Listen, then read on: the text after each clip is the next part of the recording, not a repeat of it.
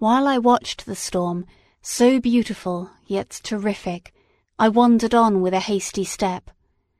This noble war in the sky elevated my spirits. I clasped my hands and exclaimed aloud, William, dear angel, this is thy funeral, this thy dirge. As I said these words, I perceived in the gloom a figure which stole from behind a clump of trees near me. I stood fixed, gazing intently. I could not be mistaken. A flash of lightning illuminated the object and discovered its shape plainly to me. Its gigantic stature and the deformity of its aspect, more hideous than belongs to humanity, instantly informed me that it was the wretch, the filthy demon to whom I had given life.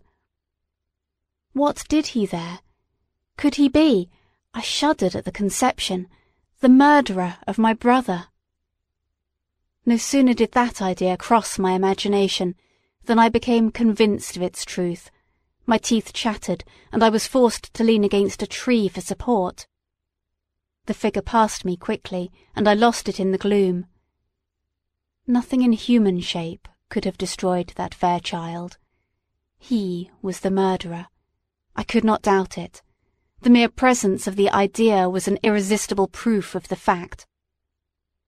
I thought of pursuing the devil, but it would have been in vain, for another flash discovered him to me, hanging among the rocks of the nearly perpendicular ascent of Mont Saleve, a hill that bounds Plainpalais on the south. He soon reached the summit and disappeared.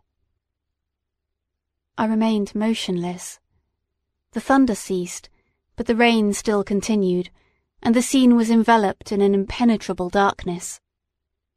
I revolved in my mind the events which I had until now sought to forget, the whole train of my progress towards the creation, the appearance of the work of my own hands alive at my bedside, its departure. Two years had now nearly elapsed since the night on which he first received life, and was this his first crime? Alas! I had turned loose into the world a depraved wretch, whose delight was in carnage and misery, had he not murdered my brother. No one can conceive the anguish I suffered during the remainder of the night, which I spent cold and wet in the open air. But I did not feel the inconvenience of the weather. My imagination was busy in scenes of evil and despair.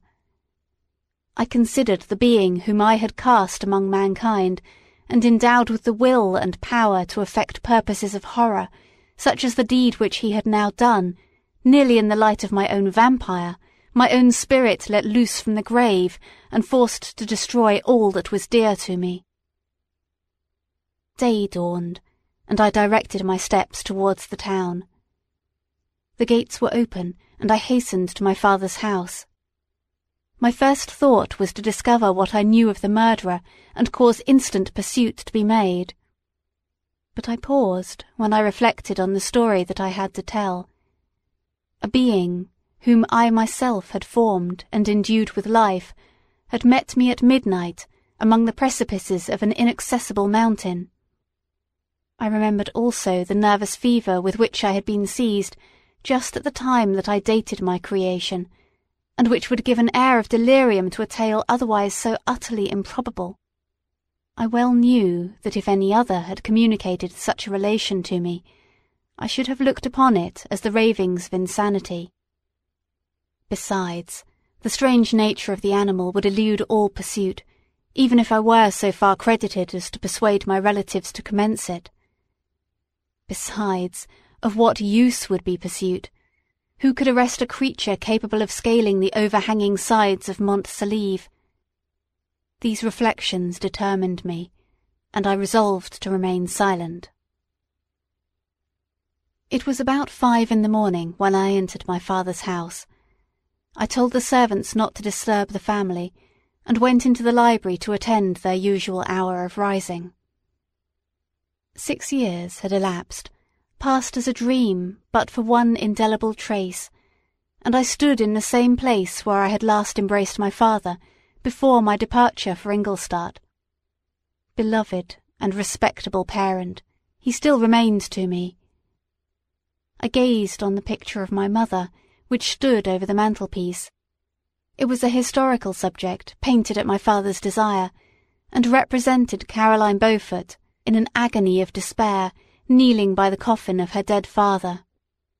Her garb was rustic and her cheek pale, but there was an air of dignity and beauty that hardly permitted the sentiment of pity. Below this picture was a miniature of William, and my tears flowed when I looked upon it. While I was thus engaged, Ernest entered. He had heard me arrive, and hastened to welcome me. He expressed a sorrowful delight to see me. Welcome, my dearest Victor, said he. Ah, I wish you had come three months ago, and then you would have found us all joyous and delighted. But now we are unhappy, and I am afraid tears instead of smiles will be your welcome. Our father looks so sorrowful. This dreadful event seems to have revived in his mind his grief on the death of Mamma. Poor Elizabeth also is quite inconsolable. Ernest began to weep as he said these words. Do not, said I, welcome me thus. Try to be more calm, that I may not be absolutely miserable the moment I enter my father's house after so long an absence. But tell me, how does my father support his misfortunes, and how is my poor Elizabeth? She indeed requires consolation. She accused herself of having caused the death of my brother, and that made her very wretched. But since the murderer has been discovered, the murderer discovered? Good God, how can that be? Who could attempt to pursue him? It is impossible. One might as well try to overtake the winds, or confine a mountain stream with a straw. I do not know what you mean, but we were all very unhappy when she was discovered. No one would believe it at first, and even now Elizabeth will not be convinced, notwithstanding all the evidence. Indeed, who would credit that Justine Moritz, who was so amiable and fond of all the family, could all at once become so extremely wicked. Justine Moritz! Poor, poor girl! Is she the accused? But it is wrongfully. Everyone knows that. No one believes it, surely, Ernest. No one did at first, but several circumstances came out that have almost forced conviction upon us, and her own behaviour has been so confused as to add to the evidence of facts a weight that, I fear, leaves no hope for doubt. But she will be tried today, and you will then hear all. He related that, the morning on which the murder of poor William had been discovered, Justine had been taken ill, and confined to her bed, and, after several days, one of the servants, happening to examine the apparel she had worn on the night of the murder, had discovered in her pocket the picture of my mother, which had been judged to be the temptation of the murderer. The servant instantly showed it to one of the others, who, without saying a word to any of the family, went to a magistrate, and upon their deposition Justine was apprehended. On being charged with the fact, the poor girl confirmed the suspicion in a great measure by her extreme confusion of manner. This was a strange tale, but it did not shake my faith, and I replied earnestly, You are all mistaken. I know the murderer.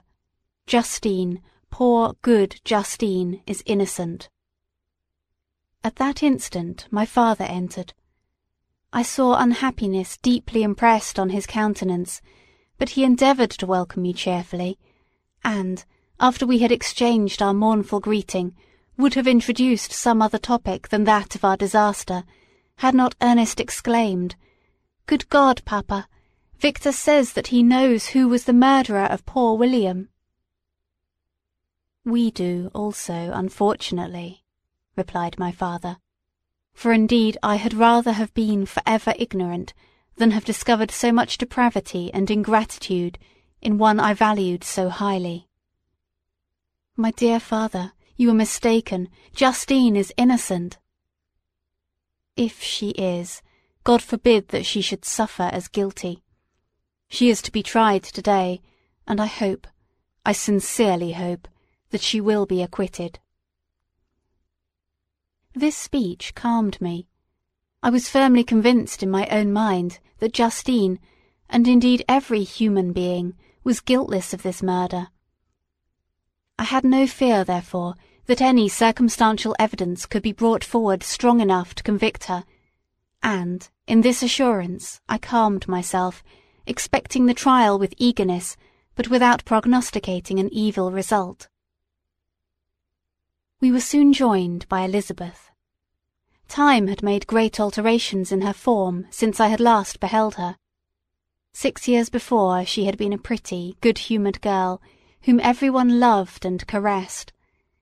She was now a woman in stature and expression of countenance, which was uncommonly lovely. An open and capacious forehead gave indications of a good understanding, joined to great frankness of disposition. Her eyes were hazel, and expressive of mildness, now through recent affliction allied to sadness. Her hair was of a rich dark auburn, her complexion fair, and her figure slight and graceful. She welcomed me with the greatest affection. Your arrival, my dear cousin, said she, fills me with hope. You will perhaps find some means to justify my poor guiltless Justine. Alas! Who is safe if she be convicted of crime? I rely on her innocence as certainly as I do upon my own. Our misfortune is doubly hard to us.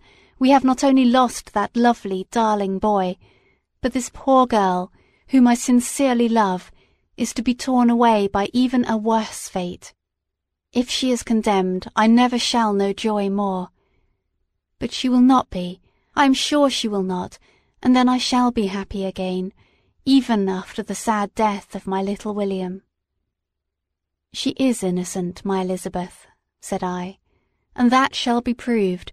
Fear nothing, but let your spirits be cheered by the assurance of her acquittal. How kind you are! Everyone else believes in her guilt, and that made me wretched, for I knew that it was impossible, and to see everyone else prejudiced in so deadly a manner rendered me hopeless and despairing. She wept. Sweet niece, said my father, dry your tears. If she is, as you believe, innocent, rely on the justice of our judges, and the activity with which I shall prevent the slightest shadow of partiality.